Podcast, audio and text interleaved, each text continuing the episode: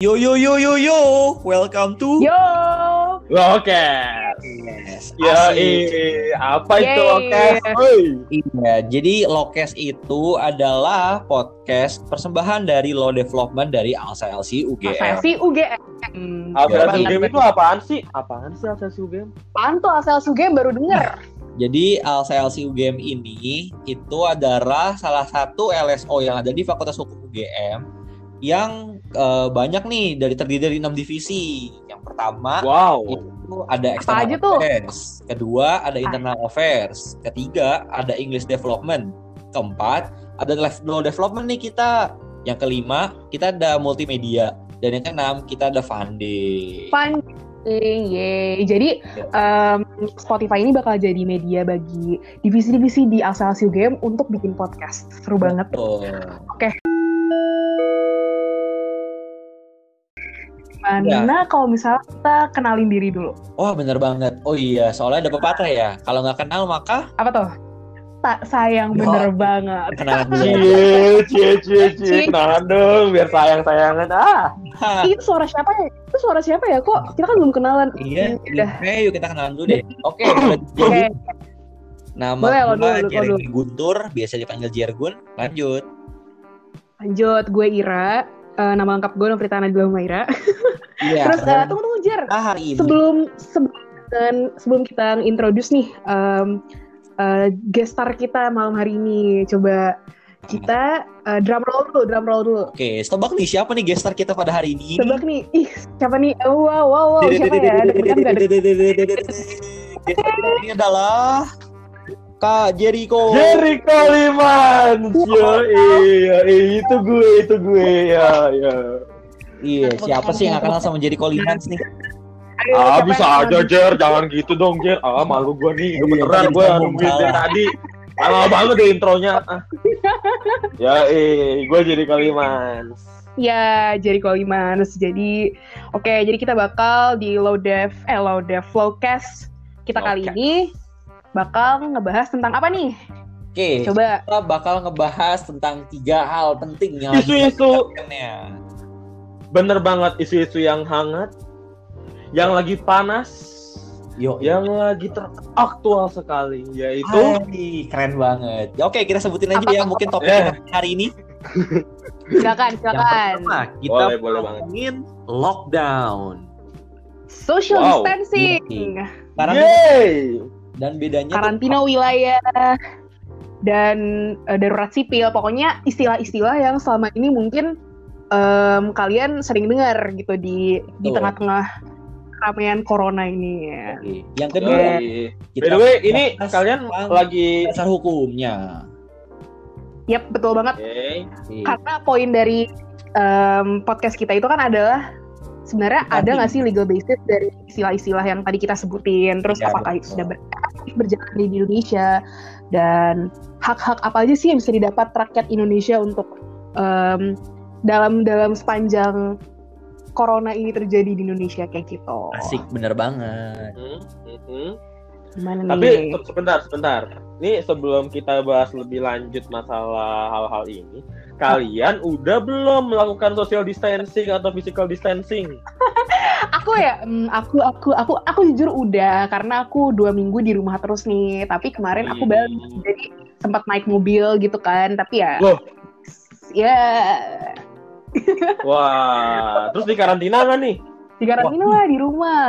Jergo di mana? Waduh, Jadi kalau gua gua sih dari awal ya dari awal pas ngetren-ngetrennya corona ini emang awalnya tuh dasarnya nggak takut sebenarnya sih istilahnya gitu jadi eh, awal-awal tuh kayak masih keliling-keliling keliling-keliling sampai akhirnya eh, puncaknya adalah pas kita disuruh kuliah online nah itu gua mulai takut tuh kayak waduh ini mulai banyak ini kayak corona nih ah gua ngumpet Wah, di- asik dong kuliah online. wah ada asiknya ada enggaknya tapi itu mungkin dibahas nanti kali ya di Ah. lain episode kali ya Eh, terima nanti lah ya. Terima nanti lah ya. Nanti jangan nanti, ya. nanti. Oke, oke. Oke oke. Gitu. Ini yang yang nanya di awal udah ngelakuin social distancing Iya. nih. Jadi kok Wah, pasti dong. Pasti. Udah ya? Jadi Gua itu tiga minggu lalu tuh udah di Surabaya kan. Nah kebetulan sama Jergun juga nih kita habis ada acara Alfa namanya Sebunas. Oke, terus Nah Jadi abis itu aku di kosan terus tuh di kosan literally di kosan terus sampai sekarang udah tiga minggu udah hampir tiga minggu udah bertelur bertelur udah udah, Buset. udah jadi telurnya. Aduh. Ayo tepuk, tepuk tangan dulu untuk Jericho Limans ya teman-teman semua. Ya, Sudah iya, bikin tapi ini. tapi semuanya itu walaupun kita bosen walaupun kita gimana gimana tapi semuanya demi kebaikan kita Bersama. juga nanti. Bener banget. Ya, semuanya. Pokoknya kalau kalian bosan sadar sadarlah bahwa ada jutaan orang di dunia ini yang juga bosan pada detik ini. Bener banget. bener banget. Makanya kalau bosan Harus Kayak kita kita ini kan. bosan ngapain? kayak kita kita ini. Kalau bosen bikin podcast, ya nggak? Nah, Ya iya iya. Oke oke, Bener eh, tunggu, tunggu tunggu daripada kita semakin jauh nih kita ngobrol, Ya. mending kita kembali ke laptop aja. Durasi durasi durasi durasi. durasi durasi durasi. Udah nih. Sebenarnya kita eh, ngebahas dari itu aja deh dari istilah yang paling terkenal nih sekarang lockdown. Pada denger kan lockdown kayak di mana-mana lockdown, lockdown, lockdown. Apa tuh lockdown? Nah, for your information. Nah, for your information aja nih, jadi negara yang paling pertama nerapin lockdown itu Cina. Terus Oh gara-gara pasti dong. gara-gara dia kan eh, epicentrum ya kan dari corona itu sendiri. Nah, Nah iya by the way tapi sebelumnya ngomong-ngomong tentang epicentrum ya. Sekarang itu katanya epicentrumnya udah pindah Ra, udah bukan di Cina lagi tapi udah Oh, ke udah Amerika bukan Cina. Serikat. Waduh, Iya, karena emang kasusnya lebih banyak kan di sana. Iya, Iya. udah nyampe puluhan ribu kan. Sedangkan Cina sekarang udah recovery nggak sih? Dan udah Iya. Mencap- iya bener banget. Nah, Iya. hal ini karena Amerika itu nggak melaksanakan lockdown ini dengan baik katanya. Jadi masih disepelekan. oh gitu. Nah, Jer, kalau misalnya Tuh. negara yang paling baru nerapin lockdown negara apa sih, Nah, Jer? Gini nih. Jadi kalau menurut data, Nah, lo. negara yang paling terakhir untuk menerapkan lockdown ini, yang paling baru nih ya, adalah Thailand. Oh, Thailand. Tapi katanya tuh dia cuma partial lockdown ya. Jadi nggak semuanya lockdown gitu. Ada beberapa wilayah Nah, aja. iya benar. Nah, Gitu. Jadi kalau di Indonesia- sifatnya masih berbeda-beda ya di tiap negara. Hmm, bener banget. Oke, Kak Jericho, kalau di Indonesia tuh sebenarnya gimana sih awalnya tuh corona dijadiin sebagai isu yang apa ya sama pemerintah tuh sebagai isu yang penting dan harus ditanggulangi gitu. Iya bener banget Ra. Jadi sebenarnya em, kita itu pada awal bulan Maret, sekitar tanggal 2 kalau nggak salah, itu kita baru mendapatkan kasus positif yang pertama dan yang kedua nih. Jadi sebelumnya Oke. itu dari bulan Januari awal sampai Maret tuh masih belum ada. Bahkan waktu itu tuh masyarakat sempat ragu tuh sama pemerintah. Oh Bahkan gitu, sampai jadi- dibilang pemerintah nggak capable gitu loh. Dan banyak banget tuh meme-meme yang apa ya malah nge bikin jadiin bahan ketawaan itu COVID COVID 19 ini. Oh, Oh gitu. Terus akhirnya Nah. tuh ya Kak Jer, Mm-mm. eh, abis- akhirnya masyarakat Indonesia akhirnya sadar nih kalau misalnya anjir nih, nih, eh, virus serius gara-gara WHO tuh Bener. akhirnya kalau misalnya virus corona ini sebagai pandemi yang artinya tuh em, virus ini tuh ada di seluruh dunia nggak cuma di China aja jadi ini emang harus something serious yang harus ditanggulangin dan emang waktu itu Presiden Jokowi ngeluarin eh, Kepres nomor 7 tahun 2020 tentang Betul. gugus tugas penanganan COVID. Hmm. Nah, itu kan berarti kan cuma lima hari, eh lima, maksudnya itu kan cuma beberapa saat aja ya langsung setelah adanya kasus positif langsung dibikin gugus tugas ya. Kenapa sih sebenarnya? Karena semuanya itu bahwa kita kalau kita sadari ternyata dampak COVID ini nggak cuma ke dampak kesehatan bagi masyarakat juga, Ra. Apa aja tuh Tapi emang? juga, iya dia tuh berdampak sistemik dalam artian memiliki Benar. dampak pada satu, dua, tiga bahkan semua sektor kehidupan masyarakat dari segi Yes. pendidikan, dari Yes. segi perekonomian, dari segi em, pekerjaan-pekerjaan masyarakat sekarang, bahkan eh, dunia bahkan bukan Indonesia aja itu sekarang udah mulai takut karena ini udah mengarah kepada resesi ekonomi yang bisa mengancam perekonomian nasional di setiap negara. Jadi makanya kita butuh tindakan cepat dari pemerintah dan juga kesadaran dari masyarakat tuh supaya bisa menanggulangi hal ini. Tapi Dan guys, kita coba, oh, oh, Dan bener cuma banget. itu. Tapi ada Betul. juga em, sisi dampak dari rasialismenya. Bayangin deh, karena ada stigma-stigma tertentu nih di masyarakat. Aduh, yang yang munculin corona tuh dari negara X, dari etnis X gitu. Jadi memunculkan stigma-stigma di masyarakat yang justru menyudutkan dan mendiskriminasi. Nah, ini semua bakal kita bahas nanti setelah ini. Jadi ini cuma awal Oh, doang iya. nih, kulit-kulitnya doang. Gimana tuh Jer? Eh, tapi ya ngomong-ngomong soal corona ini ya, banyak banget kayak sampai sekarang bahkan sampai saat kita rekaman ini, orang-orang Indonesia tuh kayak nggak takut loh sama corona ini kayak masih banyak yang jalan-jalan, masih banyak yang happy-happy kayak kayak mungkin eh, orang Indonesia tuh takutnya nggak tahu dah, nggak kayak nggak takut sama apa-apa dah, sama virus kayak dilawan gitu ya. Jadi kayak, gini, Betul banget. banget, gimana sih pemerintah nih? semua tapi lihat Kita kan orangnya santuy, Iya, bro. bener sih. Cuman kan Santuy banget bro. Maksudnya, Takut gak sih? udah ditetapin sebagai pandemi global ya maksudnya kayak ya harusnya orang Indonesia pun juga belajar dari negara-negara yang lain yang udah terkena infeksinya banyak kan jangan sampai kita jadi ngikutin kayak mereka gitu kalau bisa dicegah kenapa harus ngomong Bener banget. gitu Buktinya udah Iya. banyak loh teman-teman. Kalau misalnya kita menyepelekan hal ini di Italia, di Amerika, di eh, Spanyol, itu udah banyak banget. Bahkan em, perpindahan epicentrum yang dibilang itu kan udah mulai juga ke negara-negara yang jauh dari pusat pertama kalinya di China itu. Baik. Jadi butuh perhatian ekstra, butuh tindakan ekstra dari pemerintah dan juga butuh kebijakan yang tepat, cepat dan juga cermat untuk mengatasi hal ini. Dan kebijakannya apa aja, Cura? Nah, jadi sebenarnya tuh ada banyak istilah-istilah yang berseliweran nih di masyarakat Kak selama ini. Lockdown, social distancing, karantina wilayah, darurat sipil. Itu sebenarnya apa maksudnya? Nah, kita bakal bahas satu-satu ya. Dari mungkin apa dulu nih, Jar? Social distancing Oke, kali ya? jadi yang paling pertama yang terkenal di Indonesia itu istilahnya adalah social distancing. Jadi Apaan tuh social Nah, distancing? Nah, jadi gini teman-teman, kalau social distancing itu menurut Jokowi nih, Bapak Presiden kita, social distancing itu adalah satu cara yang paling efektif untuk menyebar untuk menekan penyebaran corona ini di Indonesia. Lah, kenapa Kenapa social tuh, distancing gitu? Karena menurut Jokowi, social distancing ini bisa menekan infection rate atau tingkat infeksiusnya. Jadi untuk mencegah adanya peningkatan kasus COVID ini, corona di Indonesia ini, jadinya presiden kita lebih lebih suka dengan istilahnya social distancing. Gitu. Oh, Sebelum gitu. lebih lanjut lagi, sebelum lebih, lebih lanjut lagi nih, sebenarnya social dis- distancing itu apa sih? Nah, gini, jadi kalau social distancing itu itu seperti kayak memperluas physical space atau mungkin jarak fisik kita antara satu orang dengan orang lainnya. Ya kurang lebih minimal eh, ya semeter dua meter lah cukup. Nah jadi contohnya tuh bisa dengan work from home, bisa kalau misalnya ngantri di supermarket tuh ada jarak-jaraknya. Mungkin biar kita nggak Online class Betul juga sih? banget, online class juga bisa. Jadi ya itulah salah satu social distancing yang kita lakukan sekarang. Loh, tapi tapi kalau misalnya kita social distancing, kita masih bisa berhubungan sosial nggak dengan orang Wah, lain? kalau- Masih bisa, karena kan Oh bisa. social distancing bisa masih bisa. Karena kan social distancing itu kan dia cuma memperluas physical space kan antara satu orang dengan orang lain. Tapi eh, ya sebenarnya boleh-boleh aja ngobrol asalkan gak deket-deket banget. Karena kalau misalnya kita lihat nih dari sistem penularannya COVID itu sendiri menurut Public Health and Infectious Disease Specialist di Chicago sama New York COVID itu nggak nular lewat udara tapi dia lewat droplet. Jadi kalau misalnya ada orang batuk nih deket kita atau kita nyentuh sesuatu nyentuhin seseorang terus kita nyentuh muka kita tih pakai tangan itu nah itu bisa ngebuat droplet dari COVID-19 itu masuk ke dalam sistem tubuh kita. Tapi kalau misalnya kita jaga jarak, dropletnya nggak bakal kena. Jadi aman-aman aja, tetap bisa bersosialisasi, Jar. Ya, itu dari New York ya, New York ya, New York.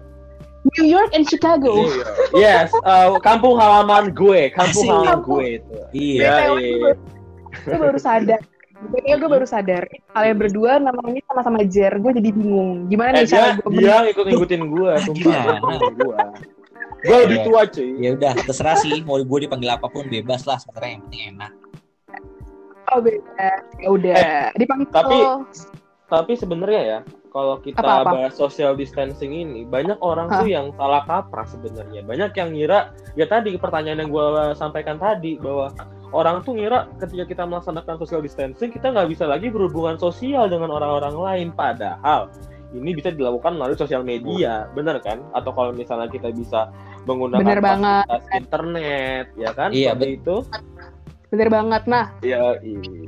Nah, nanti yang yang bener-bener nggak bisa berhubungan sosial itu, itu yang dinamain sama karantina wilayah atau enggak lockdown. Nanti yang kita bakal bahas selanjutnya setelah kita ngebahas social distancing. Sabi. gitu. Nah, lanjut nih. Nah, Nah. kalau social distancing, Lanjut, lanjut, lanjut, ngomong-ngomong social distancing di Indonesia ini sebenarnya udah efektif belum sih? Kan ini udah diterapin nih sama Jokowi. Nah, kita lihat nih datanya. Nah, datanya tuh bilang bahwa social distancing ini belum efektif loh di Indonesia. Kenapa sih? Kok bisa gitu? Wow. Kenapa tuh? Nah, Kenapa? jadi Kenapa? gini, Kenapa? Kenapa? banyak banget malah social distancing ini malah terjadi penumpukan penumpang maupun di bus Transjakarta maupun di MRT itu, apalagi terutama di Jakarta ya. Itu contohnya kayak yang kemarin nah, iya itu bener sih? banget kan udah pada lihat berita kan ya. Nah, itu kan kelihatan banget ya kalau misalnya Waktu semenjak social distancing ini malah MRT, bus Transjakarta malah makin penuh cuy, malah ada desekan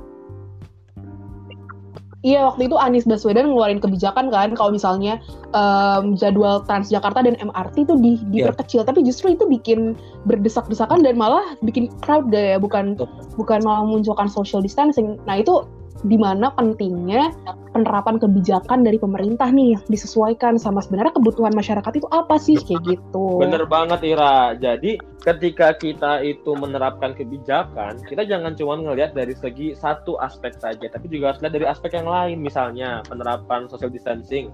Misalnya kita ngebatasin jumlah angkutan umum nih ya, tapi kita juga harus Mm-mm. lihat bahwa masyarakat kita juga banyak yang masih sehari-hari harus bekerja, masih banyak Betul kantor-kantor yang belum uh, menerapkan work from home, masih banyak banget Betul banget. pekerja-pekerja harian lepas yang mencari Betul. nafkahnya dari pekerjaan di ibu kota. Nah, ini makanya kenapa ketika ada ada satu kebijakan itu harus dikaji dari berbagai sektor. Jadi penerapannya bisa lebih implementatif dan juga bisa lebih efektif. Makanya oleh karena itu sebenarnya eh, pemerintah ini dalam menerapkan kebijakan pasti tentunya harus sesuai dengan aturan hukum juga ya karena hukum itu Nah, kan adalah hukum. satu aturan tertulis ya kan yang udah dikaji Yap. dulu nih dari segi sosiologis, dari segi eh, ekonomi, dari segi eh, berbagai aspek lain-lainnya gitu loh. Nah, kalau misalnya social distancing ini, iya, udah pernah diatur belum sih di aturan hukum kita? ngomongin hukum, ngomongin dasar hukum ini penting banget sih guys, karena ibaratnya em, kalau misalnya nggak ada peraturan perundang-undangan, apa legitimasi pemerintah untuk menerapkan Nah, suatu betul. kebijakan? Apa legal, apa ya, apa sifatnya, apakah bisa legally binding ke semua masyarakat Indonesia? Apakah dengan tidak dikeluarkan peraturan nanti masyarakat justru malah nggak patuh? Padahal justru itu yang sangat kita butuhkan kan saat ini supaya masyarakat bisa patuh. Mm-mm. Nah, Jer, sampai saat ini dasar hukumnya tuh apa sih? Udah ada belum kalau tentang Nah, jadi social gini distancing? guys, untuk sampai saat ini masa eh, soal social distancing ini itu belum ada loh masalahnya di Indonesia. Yang ada saat ini adalah cuma kata-kata pembatasan sosial berskala besar atau yang bisa disikat dengan PSBB. Itu adanya di Undang-Undang Nomor 6 Tahun Oke. 2018 tentang karantina kesehatan. Jadi Nah, PSBB. PSBB itu apa? sama nggak sih PSBB dengan itu- social distancing? Nah, coba jelasin dulu Ra, apa sih PSBB itu? Oke. Oke, jadi PSBB itu berdasarkan undang-undangan nih, teman-teman. Jadi PSBB adalah pembatasan kegiatan tertentu oleh penduduk dalam suatu wilayah yang diduga ada infeksi penyakit atau kontaminasi untuk mencegah kemungkinan penyebaran penyakit atau kontaminasi. Nah, dalam pasal 59 itu dibilang kalau misalnya PSBB itu paling sedikit meliputi tiga hal. Pertama, peliburan sekolah dan tempat kerja, pembatasan kegiatan keagamaan, dan atau pembatasan kegiatan di tempat atau fasilitas umum. Nah, kalau secara pengertian dasar nih ya, sebenarnya tuh social distancing sama P- PSBB tuh beda atau enggak sih? Jawabannya adalah Ya, mirip-mirip beda gitu, guys. Jadi Ya, kirain Jadi kayak- sama. Jadi sebenarnya tuh PSBB adalah salah satu cara untuk ngelakuin social distancing, tapi mereka bukan social distancing. Jadi ibaratnya PSBB tuh khususnya social distancing luasnya kayak gitu. Oh. Tapi kalau misalnya kita nggak ngelakuin social distancing tuh apa sih akibatnya? Soalnya banyak banget kan sampai saat ini masih banyak masyarakat yang bahkan sampai mudik gitu loh, sampai ke kampung halamannya. Nah, kan Mudik. kayak iya kayak Ira tadi itu kan, Ira kan katanya dari. Jakarta. Nah, itu wah. Oh, iya, tapi ada nggak sih sanksinya bagi masyarakat yang masih nggak menerapkan ini? Eh, gimana tuh Jer? sanksinya, Ada sanksinya nggak? sebenarnya ada sih. Itu di UU nomor 6 tahun 2018 ini itu ada di pasal 93-nya nih bunyinya bahwa setiap orang yang tidak mematuhi penyelenggaraan karantina kesehatan dan atau menghalang-halangi penyelenggaraan kekarantinaan kesehatan sehingga menyebabkan kedaruratan kesehatan masyarakat dipidana dengan pidana penjara paling lama satu tahun atau pidana Wow, gue Wow. gila serem gak sih Wah gila banget, Wow, Iya, denda men. 100 juta. gila. Eh banyak banget loh itu. Banyak banget loh. Berarti gue kemarin eh, pulang ke Jakarta gue bisa dipidana penjara ya satu, satu tahun. Nah, tapi kita lihat dulu, itu kan bahwa itu adalah pidana untuk pelanggaran penyelenggaraan kekarantinaan kesehatan. Siapa orang yang menghalang-halangi? Jadi nanti kita bakal bakal Oke. bahas lebih lanjut lagi nih, apa itu sebenarnya kekarantinaan kesehatan dan orang yang menghalang-halangi inilah yang bakalan dipidana. Wow, 100 juta gede juga Iya, ya, bisa men. beli apaan tuh ya? mau Bener makan banget. Bisa bayar Iya, UKT bisa. kali sampai lulus. makan bonus tahun Tapi tapi tapi tapi tapi tapi guys, tapi guys, Mm-mm. ini kan udah ada peraturan nih tentang Hmm. sanksinya. Hmm. Uh, serem banget satu tahun tuh pidana penjara. Tapi kenapa ya sampai saat ini masyarakat belum ada yang di apa ya ibaratnya di dalam tanda kutip dihukum lah dengan peraturan ini belum ada penegakan hukum apa apa lah atas pelanggaran social distancing padahal banyak banget yang gak ngelaksanain menurut kalian kenapa? Em, jawab boleh nggak? Jawab boleh nggak? Jawab boleh nggak? Boleh, boleh, boleh. Silakan, silakan. Jadi Kuliman. Oke, jadi kalau menurut aku, memang emang saat ini emang udah ada aturannya nih Irat dan Jeremy Guntur bahwa kita emang udah ada sanksi pidana bagi orang-orang yang melanggar. Tapi tentunya pemerintah dalam hal ini eh, polisi ataupun aparat penegak hukum lainnya tidak berharap bahwa masyarakat sampai harus dipidana untuk eh, melaksanakan apa yang dihimbau oleh pemerintah. Karena kenapa? Karena jangan sampai pidana hanya digunakan sebagai apa ya alat yang represif gitu loh. Kita harus mengapproach mereka dari pres, apa persuasif dulu nih. Kita coba persuasif dan juga pidana di sini harus digunakan sebagai ultimum remedium karena di sini butuh juga kesadaran masyarakat. Karena sesuatu yang dimulai dengan kekerasan itu pasti nggak berujung dengan baik. Tapi kalau sesuatu dengan dimulai dari kesadaran, ini bisa ber- eh, berdampak baik dan juga bisa menjadi kebiasaan nantinya yang akan eh, membuat masyarakat lebih sehat lagi. Gitu. Kalau Iya. jawaban aku sih, biar hukum itu soalnya nggak nggak selalu dari kepastian hukum loh. Harus juga dilihat dari kemanfaatan Keadilan, dan juga betul. keadilan eh, bagi penyelenggaraannya yang lebih baik ke depan bagi masyarakat. Seperti itu Iya. jawaban aku. Bener banget. Terus aku mau nambah juga nih. Jadi kan kalau misalnya dilihat dari realitasnya, sekarang itu jumlah aparat penegak hukum di Indonesia juga belum banyak.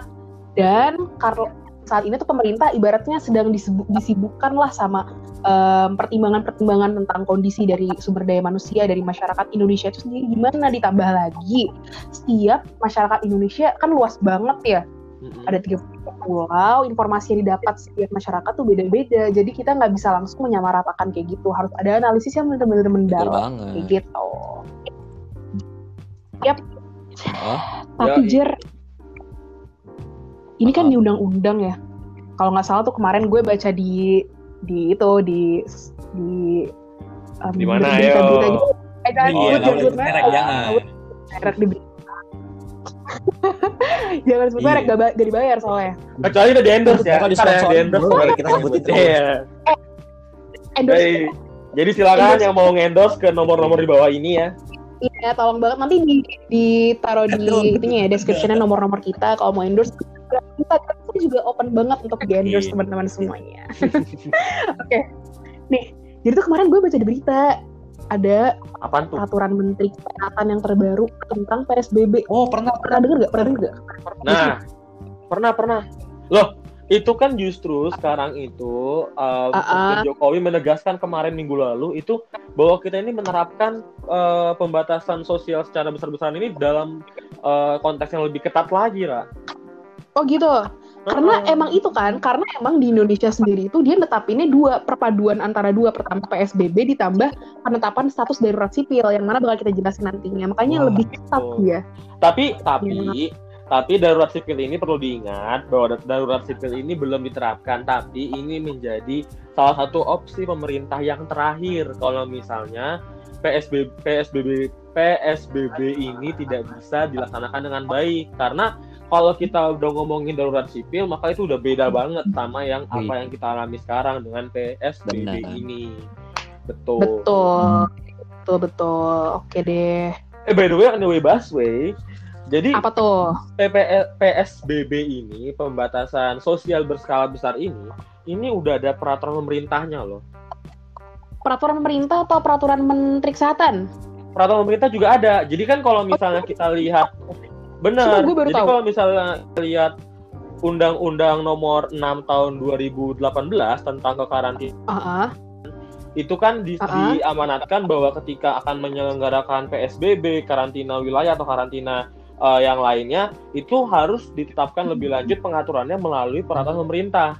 Oke. Dan Oke. betul dan dan kemarin itu pemerintah pada tanggal 31 Maret 2020 baru banget nih, anget banget nih. Ini baru menetapkan peraturan pemerintah nomor 21 tahun 2020 tentang pembatasan sosial berskala besar dalam rangka percepatan penanganan coronavirus disease 2019 atau COVID-19. Nah, jadi Wow. udah ada payung hukumnya nih dan ini sesuai juga dengan amanat dari Undang-Undang Karantina Kesehatan yang tadi udah disebutkan. Jadi udah jelas legal legal basisnya udah jelas tidak perlu dipertanyakan lagi mengenai pembatasan sosial atau social, social distancing ini pelaksanaan di hukum Indonesia udah jelas bagaimana legal basisnya seperti itu. Keren banget. Ah, bener banget. Jadi mulai sekarang kalau nyebutin social distancing itu bukan social distancing tapi. PSBB. Yoi, cintailah produk-produk Indonesia, ya. Indonesia. Nih. Oke, jadi udah jelas kali ya tentang social distancing atau PP, PSBB, PP iya. lagi PSBB. Udah jelas kali ya. Iya, kelibet terus ya Iya. PSBB ya. Waduh, waduh, waduh, PSBB UGM. Ada mirip kan, ada ada kelibet-kelibet gitu. Ini